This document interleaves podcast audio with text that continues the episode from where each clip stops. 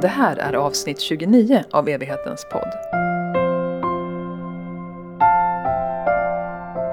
Vilken roll kan tro spela i kris? Med dagens gäst ska jag, Johanna Felenius, prata om religion, utsatthet och ansvar i pandemitider.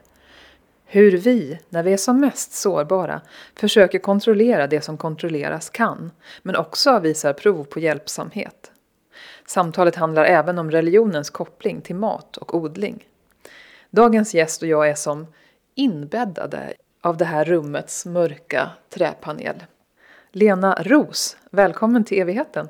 Tack så mycket för det.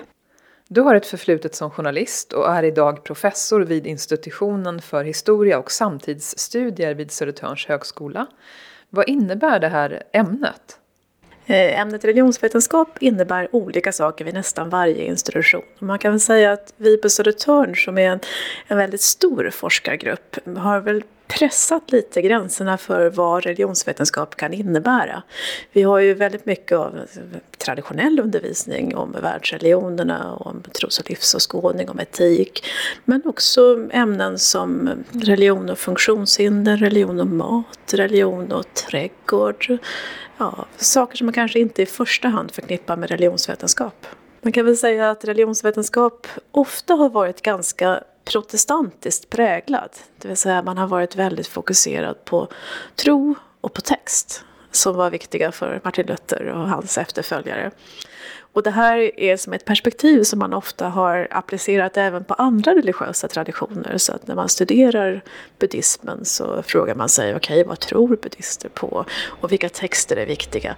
Och det kanske inte alls är det som är det absolut viktigaste i en, en buddhistisk livsstil, utan det kanske är ett rituellt beteende som är mycket mer avgörande för den religiösa identiteten.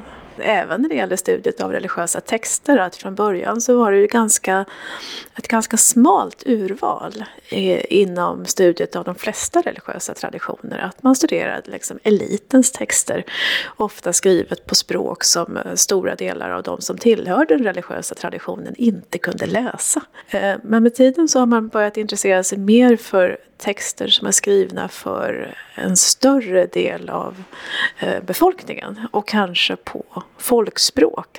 Du bor i Uppsala. Hur mycket hemmajobb blir det nu? Just nu så är det bara hemmajobb. Vi på Södertörn ställde snabbt om till distansundervisning helt och hållet. Så att eh, vi får inte vara på arbetsplatsen om det eh, inte är så att arbetsuppgifterna kräver det. Och det beror ju också delvis på att Södertörns högskola ligger i en del av Stockholm som har varit väldigt drabbat av corona. Så att vi vill inte att varken medarbetare eller studenter ska vara på campus eller pendla till campus om det inte är absolut nödvändigt. Vad vittnar studenterna om? Hur tycker de att det funkar? Det är ganska olika. Många tycker att det fungerar förvånansvärt bra och att omställningen fungerade förvånansvärt bra.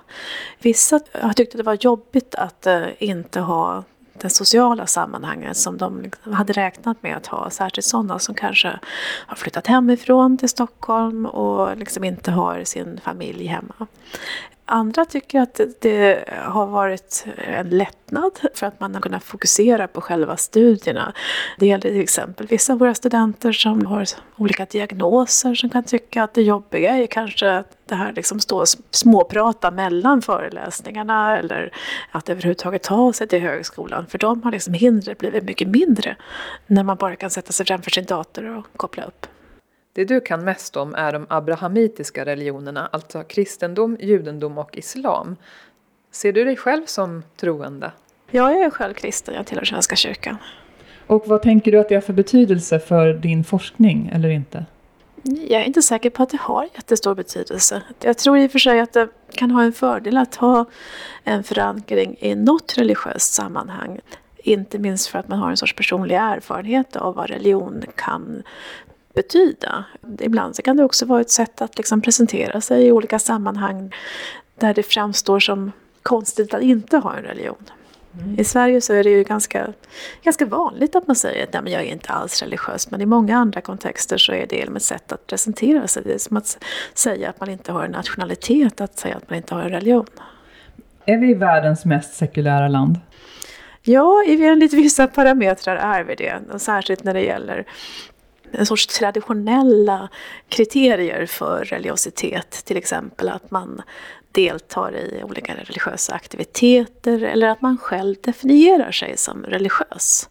Samtidigt så är ju, när man tittar på sådana här studier av eh, stora enkätundersökningar av hur svenskar resonerar kring religion så är svaren kanske lite paradoxala. För det är många som säger att de inte tror på Gud. Men det är många fler som säger att de regelbundet ber. Så många av dem som säger att de inte tror på Gud ber alltså. Då får man ju fundera på vad, hur definierar vi Gud? Hur definierar vi religiositet? Och det kanske är så att det tar sig helt andra uttryck i Sverige. Du menar att vi därmed har en tendens att tro att vi är neutrala? Hur, hur då? Jo, men jag tänker så här att i, i Sverige så har det ju varit en ganska stark sekulär norm. Vi har sett det som att religion det är, är kanske någonting som finns någon annanstans, hos några andra. Men här är det vanliga att man är ganska ointresserad av religion. Eh, samtidigt så kan man se att vi har liksom de här tendenserna att kanske söka oss ut i naturen för en andlig upplevelse. Vi vill ändå upprätthålla högtidernas firande. Vi blir väldigt upprörda om vår lilla lokala kyrka ska stänga igen eller säljas. Så vi känner någon sorts förankring ändå, även om vi kanske inte uttrycker det på samma sätt som man gör i många andra länder att vi har ett lika stort andligt behov som alla andra, men vi kanske kallar det för något annat, eller hur då? Ja, det är väldigt svårt att mäta andliga behov.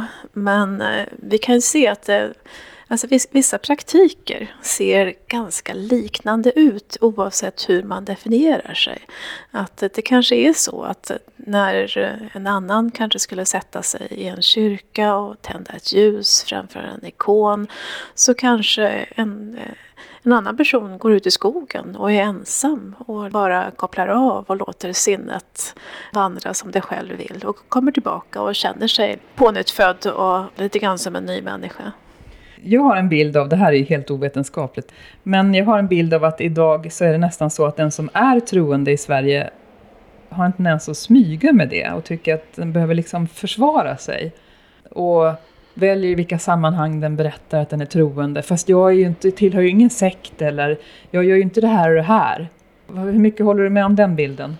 Ja, men jag tror att det har att göra med just den här den sekulära normen som gör att vi kanske är lite religionsrädda. Vi tror att personer som är religiösa, de är säkert jättereligiösa.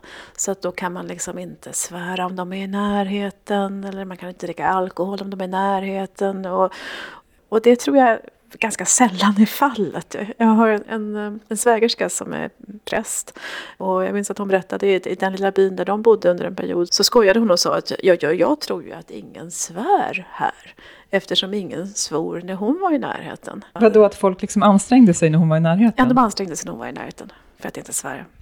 Jag minns att under en period när jag själv satt och pendlade till Södertörn så upptäckte ett väldigt bra sätt att få sitta ensam på tåget. Och det var att antingen sitta och läsa Bibeln eller Koranen. Eftersom jag ofta satt och förberedde studenternas uppgifter eller rättade uppgifter och sånt där.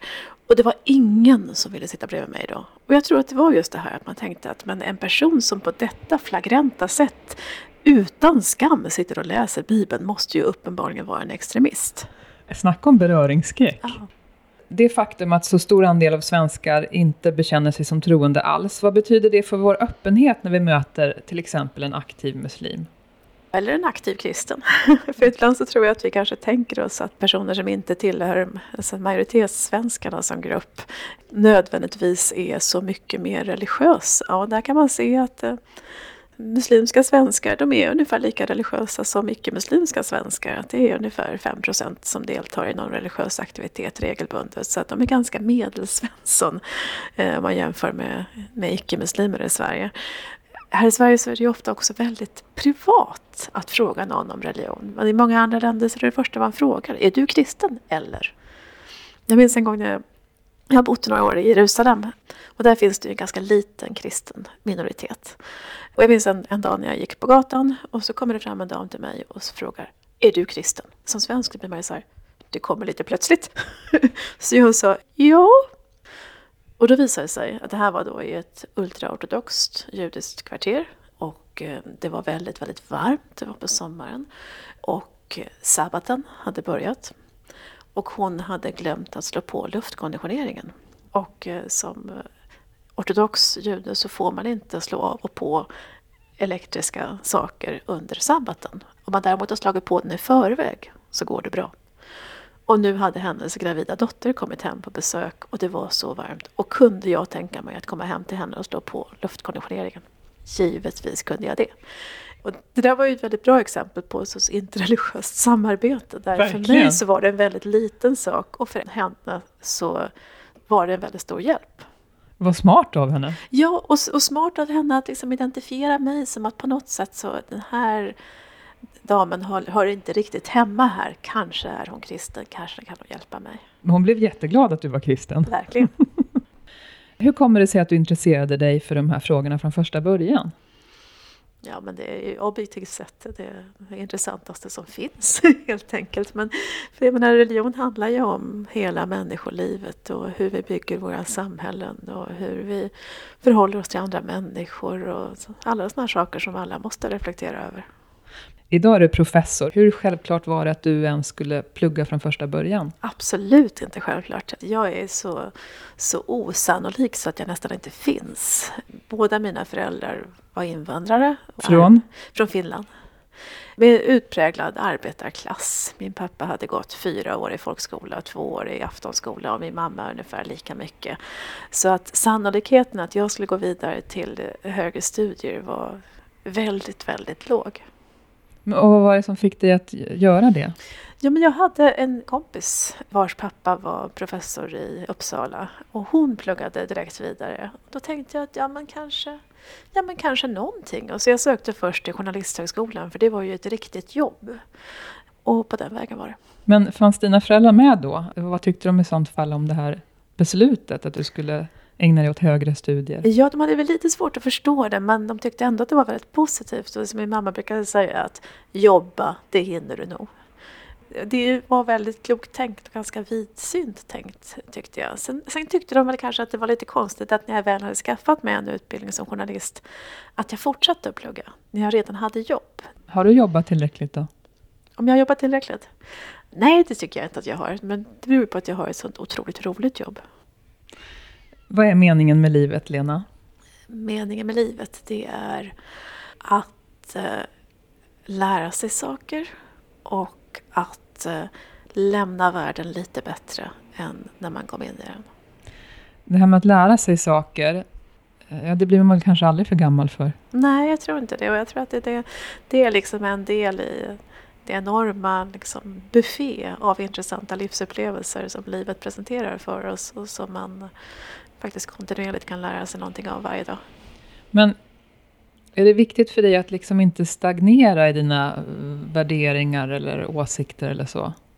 Det där, där har man ju en enorm fördel när man undervisar. För då kan man ju nästan inte det, utan man kommer hela tiden att konfronteras med studenternas frågor och ifrågasättanden och eh, livserfarenheter som skiljer sig från mina. Så att där måste man ju på något sätt hela tiden revidera sin, sin självbild och sin världsbild så att den blir mer nyanserad och mer komplex.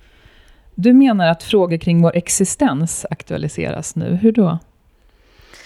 Ja, men jag tror att här i Sverige så har väl många känt en sorts grundläggande trygghet i att livet ska vara ganska förutsägbart. Att vi ska kunna planera för dagen, veckan, året, femårsplan och sånt där. Och så plötsligt så kommer en pandemi när vi inte längre kan planera utan vi är väldigt mycket utlämnade åt en, en eh, osäkerhetssituation. Eh, och det tror jag ställer många saker på sin spets och kanske också vår känsla av att vi ska vara oberoende och inte behöva be någon om hjälp, inte behöva kanske ingå i något sammanhang. Det här är ju en av de saker som man också har visat, förutom att vi är väldigt sekulära, som en sak där svenskar märker ut sig, nämligen att vi tenderar att vara väldigt individualistiska. Att vi tenderar att, att utgå ifrån att man ska kunna klara sig själv, att man ska inte behöva ingå i ett kollektiv för att klara av vardagen och så vidare. Ja, vi kommer att återkomma till det här med att be om hjälp och kunna ta emot hjälp och hur det kanske förändrats under pandemin. Vi har sagt att vi ska prata om religion, utsatthet och ansvar i pandemitider. Vad vill du säga om det?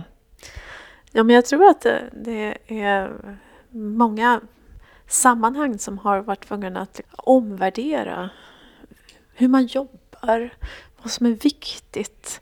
Vad som är viktigt för medarbetarna och vad som är viktigt för de som man jobbar för. Och det här gäller ju i allra högsta grad religiösa samfund. Plötsligt så har man inte längre kunnat haft möjlighet att samlas till regelbundna gudstjänster. Hur når man då sina medlemmar med, med det stöd som man kanske behövt särskilt mycket i en tid där väldigt många är rädda, där många har anhöriga som har blivit sjuka och kanske gått bort där många kanske har en ekonomisk oro på grund av att man kanske blivit permitterad eller arbetsmarknaden ser väldigt osäker ut. Så att de religiösa samfunden har ju viktigare funktioner än någonsin kanske samtidigt som man har restriktioner att förhålla sig till. Och här kan man ju se att många har varit väldigt kreativa i att försöka hitta sätt att nå ut, att uh, hitta sätt att uh, fylla de här viktiga funktionerna. Du har något exempel på välgörenhet med religiös grund. Berätta. Jo, men eh, jag är ju själv en väldigt entusiastisk grönsaksodlare och eh, jag har varit intresserad av överhuvudtaget just religion och mat och hur, hur viktig maten är i många religiösa traditioner. Och det här är ju någonting som återkommer i många religiösa traditioner, att man ger matgåvor helt enkelt. Att i, i buddhistiska sammanhang så ska man ge matgåvor till klosterfolket i samband med Ramadan så skickar man ju ofta små tallrikar med godsaker till vänner och grannar och sånt där som ett sätt att visa omsorg och uppskattning.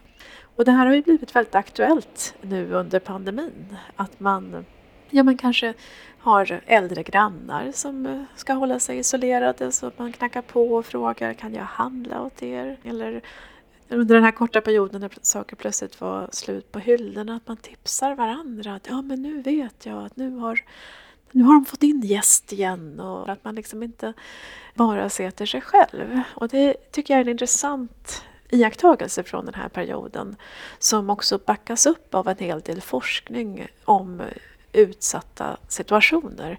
Att eh, man tror kanske att vi blir väldigt själviska och i första hand ser till oss själva och till kanske vår familj och vår lilla flock. Liksom. Men det verkar vara precis tvärtom. Att eh, i stora katastrofer som Katrina eller sånt där, så de allra flesta människor de håller sig lugna och de hjälper varandra. Och det tycker jag vi kan se under pandemin också att eh, det är nog många som har haft erfarenheten att man plötsligt har lärt känna sina grannar just för att man har försökt hjälpa varandra. Men jag måste erkänna att det är inte den bilden jag får i media. Bilden jag får är ju att vi är rädda, att vi blir snåla, att vi blir ännu mer individualistiska. Mm. Det här kanske handlar om flera olika saker. Det handlar kanske dels om en sorts medielogik. Att, eh, ja, men precis som i eh, Katrina eller någonting liknande så är det mer spännande att visa bilder på folk som plundrar butiker än någon som liksom går hem med några kilo potatis till sin granne. Det har inte sån hög dramafaktor. Sen tänker jag också att det kan ha att göra med eh, hur journalistkåren ser ut. Att vi faktiskt lever i ett samhälle som har blivit eh, mycket, mycket mer segregerat. Där erfarenheterna från olika miljöer skiljer sig väldigt mycket åt. Menar du att journalisterna därmed inte märker av eller plockar upp det här lika mycket? För jag De tror att, inte. att svenska journalister i hög utsträckning består av personer som är liksom vit medelklass. Där tror jag att det finns inte samma tradition av att uh, hjälpa varandra så att de kanske inte har sett det i lika hög grad som till exempel jag som har bott i ett område som är väldigt multikulturellt uh, där, där man är van vid att saker och ting inte alltid fungerar optimalt och där man måste hjälpa varandra. Du har också exempel på att man kan dela skörd. Ja, men det här tycker jag är en av de intressanta sakerna som kom under förra årets pandemi. Det var ju över hela världen så att eh, när vi plötsligt blev oroliga för vår matförsörjning, när människor kanske för första gången i sitt liv upptäckte tomma hyllor i matbutiken, så var det väldigt många som började odla för första gången. Och Eh, en sån här youtuber som jag följer, hon hade en väldigt intressant eh, kampanj som hon kallade för Sow another row.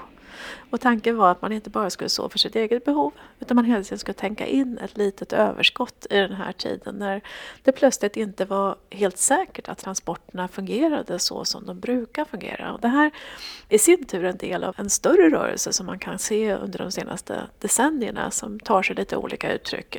Ett sånt är till exempel det som vi kan se i Sverige, att det finns olika Facebookgrupper och appar som man kan använda om man har ett överskott av sin skörd.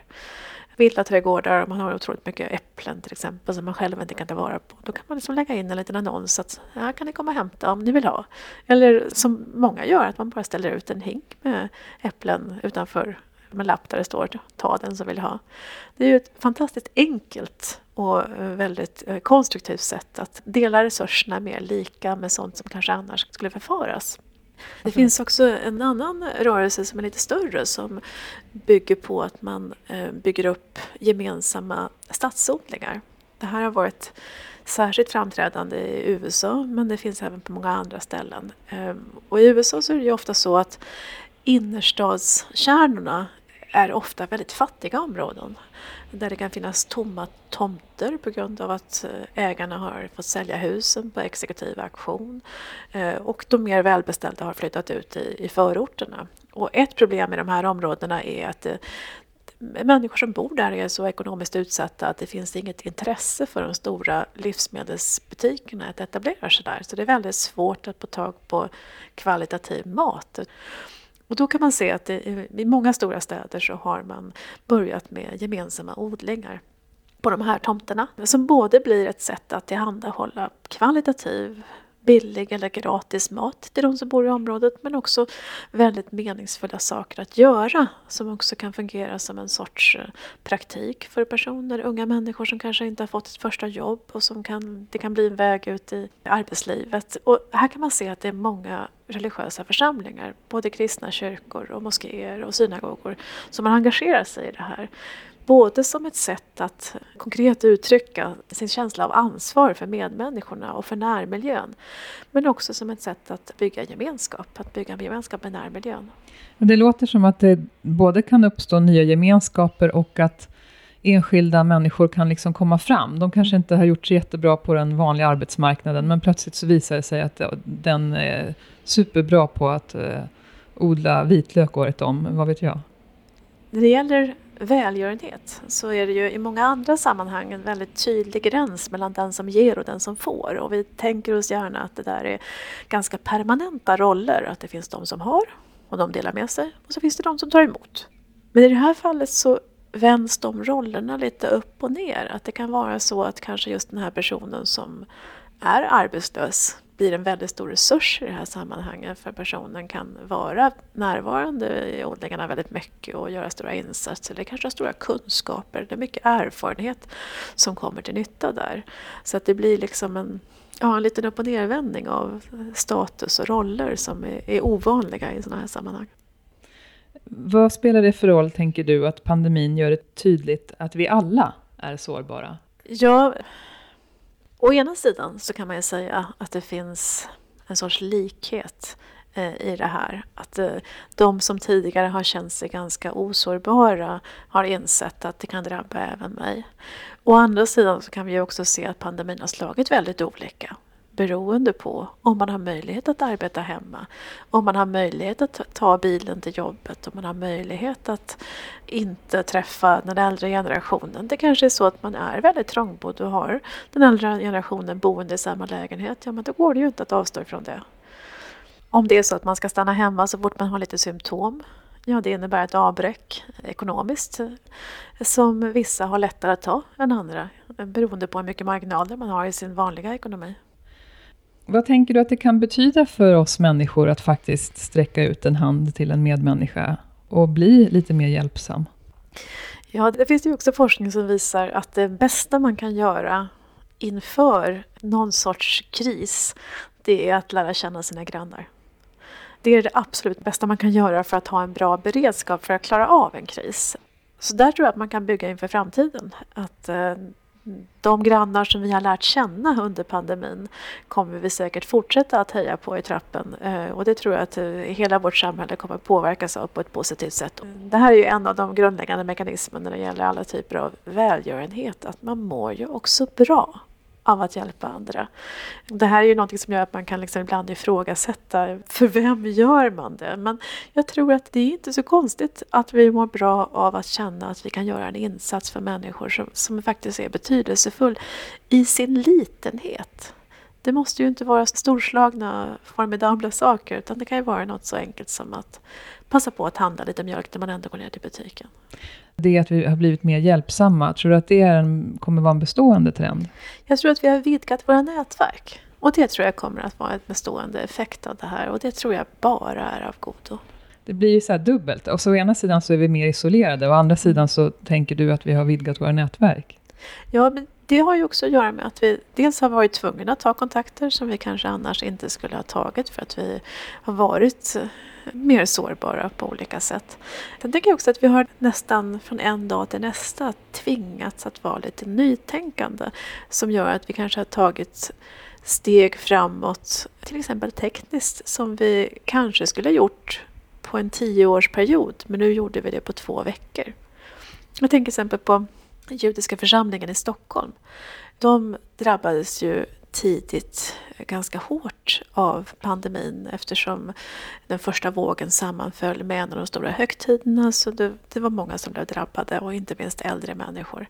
Eh, men då gjorde man en jätteinsats från församlingen för att möjliggöra för de här äldre personerna att vara isolerade i hemmet, nämligen att man skickade ut en massa volontärer som eh, liksom med full skyddsutrustning och på coronasäkert avstånd hjälpte väldigt många pensionärer att eh, komma ut i sociala medier. Liksom etablera Facebook-konton, man lärde dem hur man använde Zoom och såna här saker som gjorde att de kunde delta i verksamheter under den här tiden redan från början. Man kunde ha läsecirklar och sånt där. Och det här innebar ju också en tillgänglighet för kanske personer som inte hade kommit på de aktiviteterna om de hade hållits på vanligt sätt i församlingen.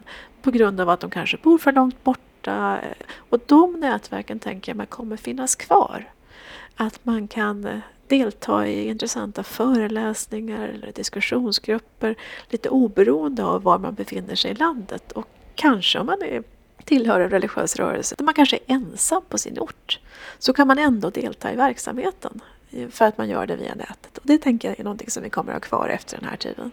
Vilket spännande angreppssätt, för jag tänker att menar, Svenska kyrkan var duktig, kan man tycka, att ställa om sloganen var att vi, vi ställer om, vi ställer inte in. Men då var det ju mycket mer att du som individ, alltså ansvaret låg på dig som individ. Att det där med uppkoppling och att du skulle kunna vara med på den här gudstjänsten via Zoom eller så, det var, det var någonting du fick ta ansvar för själv och styra upp själv.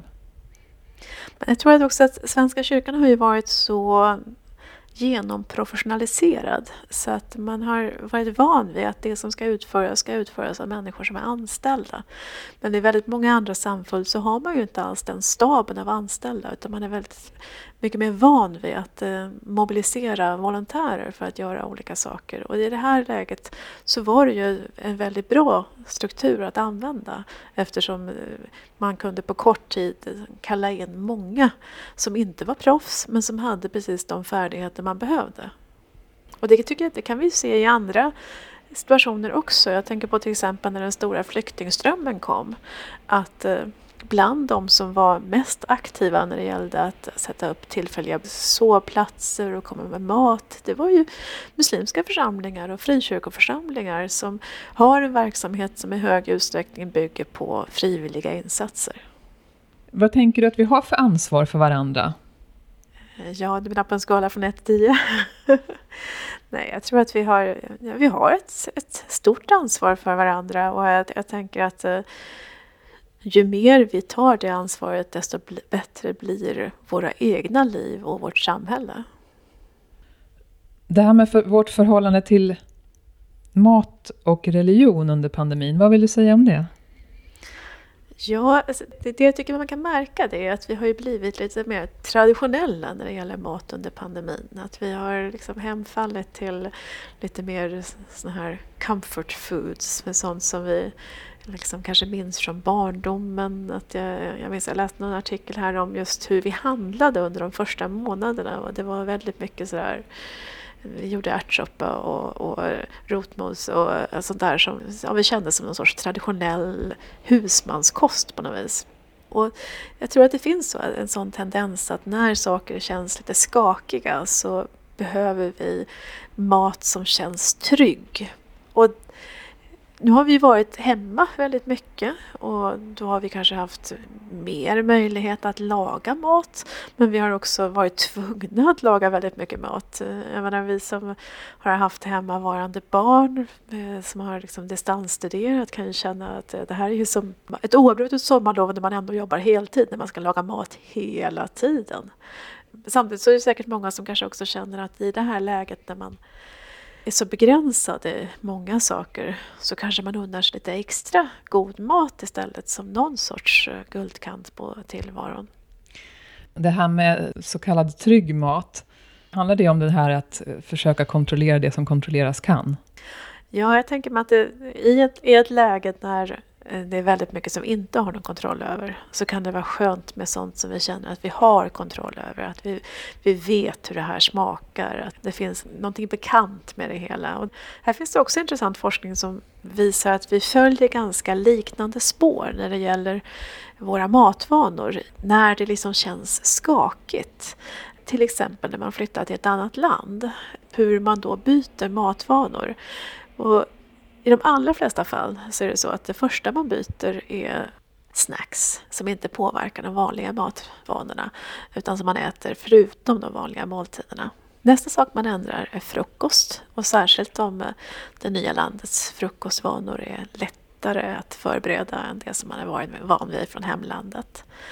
Eh, nästa sak efter det som man ändrar är lunch i samband med att man kanske börjar jobba eller börjar studera. Så man går ut och äter lunch med jobbarkompisarna eller äter på universitetet och provar nya rätter. Och det vi allra längst håller fast vid det är middagsmat och högtidsmat. För att där verkar vi ha ett särskilt behov av någon sorts förtrogenhet och trygghet och tradition att samlas kring med vår familj och att det ska vara så som det brukar vara. Här har jag gått omkring och trott att jag är eh, unik och tar individuella beslut. Eh, jag har bott i flera olika länder och har precis följt det där mönstret. Ja, vi är ganska lika varandra vi människor.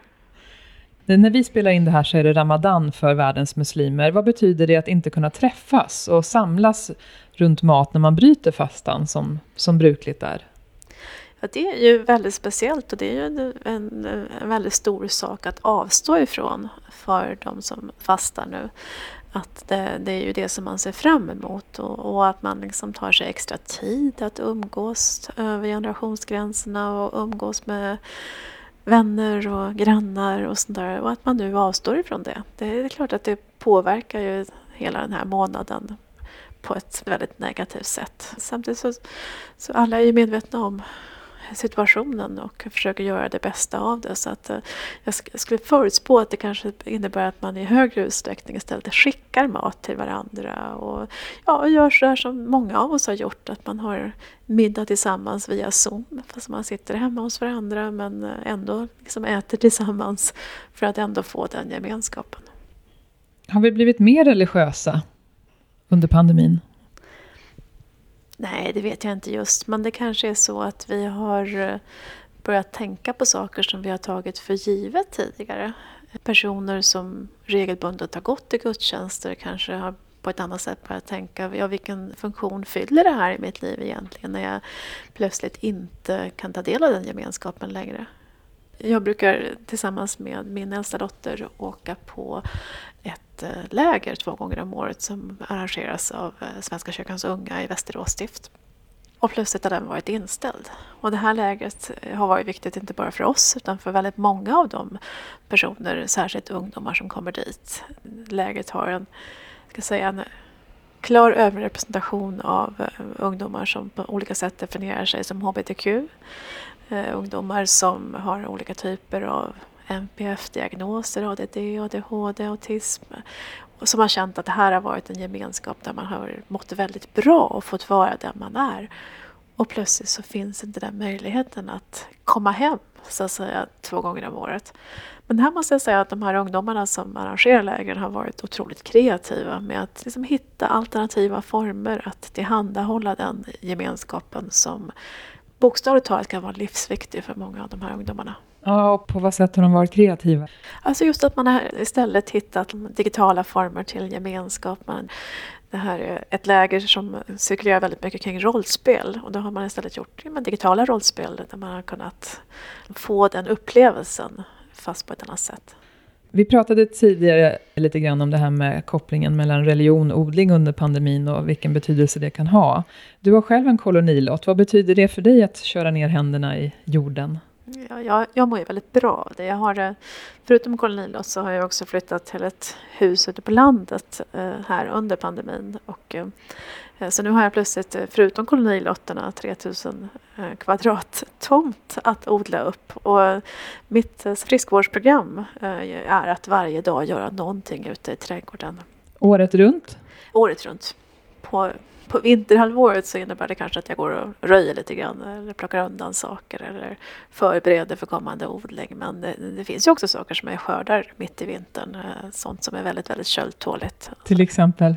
Ja, men till exempel rosmarin som håller sig i 20 minusgrader eller grönkål som man också kan skörda hela vintern. Purjolök står sig också jättebra i snö och minusgrader. Du har märkt av en trend att eh, vi har ett ökat intresse för att just odla nu under pandemin. Hur då? Ja, det märks ju på att eh, plantor tar slut på plantskolor och fröer tar slut på fröbutikerna och, och att det kommer upp många frågor i eh, olika odlingsfora från nya odlare. Och det är ju väldigt roligt. Men det är också en ganska intressant utveckling som säkert har flera olika skäl. Ett skäl är att vi kanske är hemma mer, många av oss, eh, och då har möjlighet att gå ut och vattna eller titta till det som är nysått eller liknande.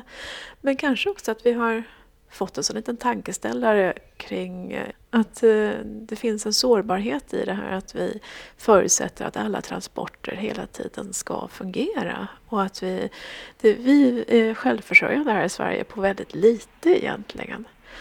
Och hur mycket det kan påverka att odla lite grann och vara självförsörjande under en viss period av året på någonting. Och den stora glädjen som ligger i det, det här lite trolleriaktiga att man slänger ner frön och så kommer det plötsligt jättemycket mat. För dig är det en tillfredsställelse på många plan, hur då? Det är roligt, den här lilla trollerieffekten. Det är väldigt gott. Man eh, sparar väldigt mycket pengar. Man får ett mycket större utbud. Jag menar, jag odlar 40 olika sorters tomater jämfört med att butiken kanske finns fem sorter. Föreställ dig liksom både hur det ser ut på tallriken och, och de här smakexplosionerna som vi inte är bortskämda med med köpetomater. Men hur mycket i mängd räknat, frukt och grönsaker, blev det förra säsongen till exempel?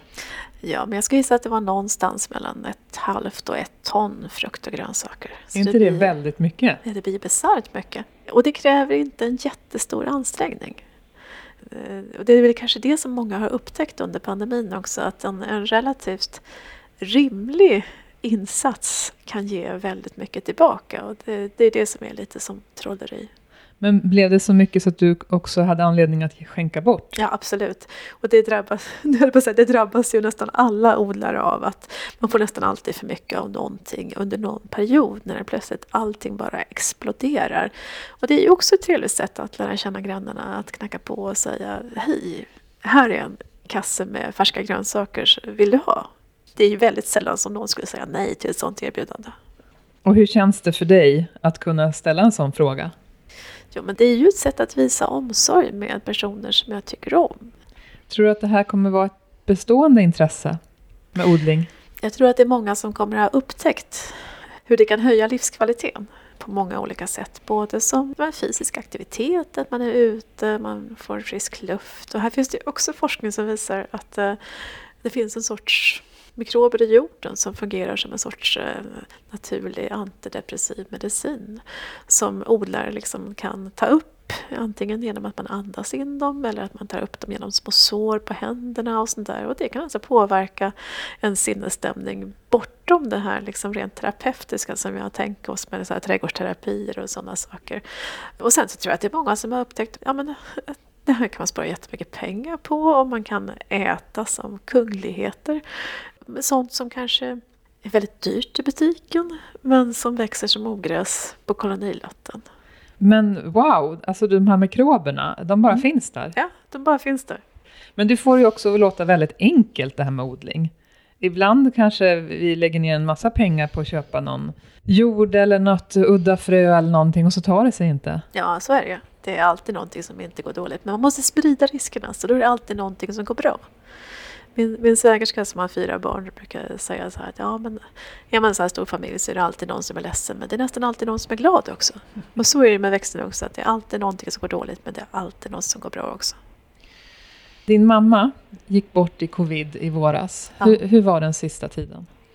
Ja, det var ju ganska snabbt förlopp för henne för hon var äldre och multisjuk sedan tidigare. Och, eh, och vi hade förmånen att vara med, jag och min syster, så vi kunde sitta med henne och vaka de sista dygnen. Eh, och det känns ju så här i efterhand väldigt fint. Vad tänker du att det betyder att ni fick ett avslut ändå? Jo, men jag, jag tror att eh, det är ju betydelsefullt att få vara med i de här viktiga, avgörande faserna i livet med de personer som är viktiga för oss. Och det är ju det som många har känt har varit väldigt tråkigt under den här perioden. Dels att man inte har kunnat vara med sina sjuka anhöriga som kanske har gått bort, bara vara omgiven av sjukhuspersonal.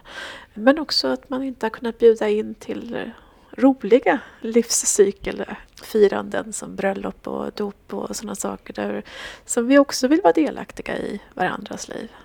Du som är eh, religionsforskare, vad kan ritualer betyda för människor, vare sig de är religiösa eller inte? Jag tror vi ofta känner en sorts eh, trygghet i att eh, upprepa saker på ett, ett regelbundet sätt. Och jag tror att för de flesta av oss så har vi ju en väldig massa ritualer i vår vardag som underlättar för oss att inte varje morgon fundera på hur man ska göra utan vi gör saker på ett särskilt sätt. Sen är det väl också så att ritualer markerar på något sätt saker i livet. Vare sig det är att det markerar hur året går istället för att liksom vi befinner oss i ett ständigt flöde av oceaner av tid så strukturerar vi upp den tiden genom att fira högtider till exempel. Och att vi har någonting att se fram emot, att vi känner rytmen och sådär.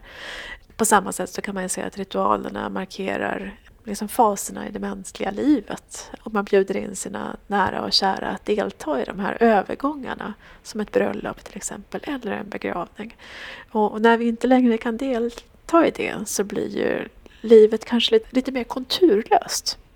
Här finns det också intressant forskning som visar hur våra hjärnor påverkas av det konturlösa livet under pandemin. Till exempel att många av oss har blivit mycket mer glömska. Och här tror man att det, det är bara jag själv som börjar bli förvirrad som plötsligt glömmer ett möte eller något sånt där. Men där är det tydligen så att hjärnan fungerar på det viset att om våra dagar blir för lika varandra så har hjärnan svårt att komma ihåg saker för vi har inte samma möjlighet att hänga upp det på någonting. Då flyter allting ihop och det är lättare att glömma bort saker. På samma sätt blir vi också stimulerade av att komma ut utanför hemmet. Särskilt om man kanske tar en ny väg. Då får liksom hjärnan nya intryck och får någonting att hänga upp den dagen på. Ytterligare en sak som gör att vi kommer ihåg saker det är att vi berättar om vad vi har gjort för någon annan. Och det kanske vi inte heller gör om vi sitter ensamma. Så att om vi ska liksom hjärndjupa under pandemin så ska vi göra olika saker olika dagar. Vi ska ta en annan väg hem och vi ska gärna berätta vad vi har gjort för någon annan. Du som själv är kristen och eh, har ägnat så mycket tid åt att studera vårt religionsutövande, tror du på något liv efter detta? Ja, det gör jag. Fast jag har egentligen ganska vaga föreställningar om hur det kommer att eh, yttra sig, men jag tror att det ordnar sig nog. Föreställer du dig en fysisk kropp eller är det endast ande? Alltså, kan du odla i evigheten? ja, jag tror jag kan odla i evigheten. Vad ska du så då? då? Ja, solrosor kanske? Lena, när du inte vandrar kvar här på jorden längre, hur vill du bli ihågkommen? Jag vill att eh, man ska minnas mig som en eh, snäll person och eh, en person som var intresserad av andra människor. Och varför är det viktigt att vara intresserad av andra människor? Jag tror att det är det som är eh, källan till vishet. Det finns ett eh, väldigt känt citat från Talmud, den stora judiska vishetsläran som är Ise Halamed mikoladam. Det betyder Vem är vis? Jo, den som lär sig någonting av varje människa. Och då kan man se det som både att man blir vis av att lära sig någonting från varje människa. Men att det också är tecknet på att man är vis. Att man har den här beredskapen att lära sig någonting av varje människa. Att möta varje människa som att du har någonting att lära mig.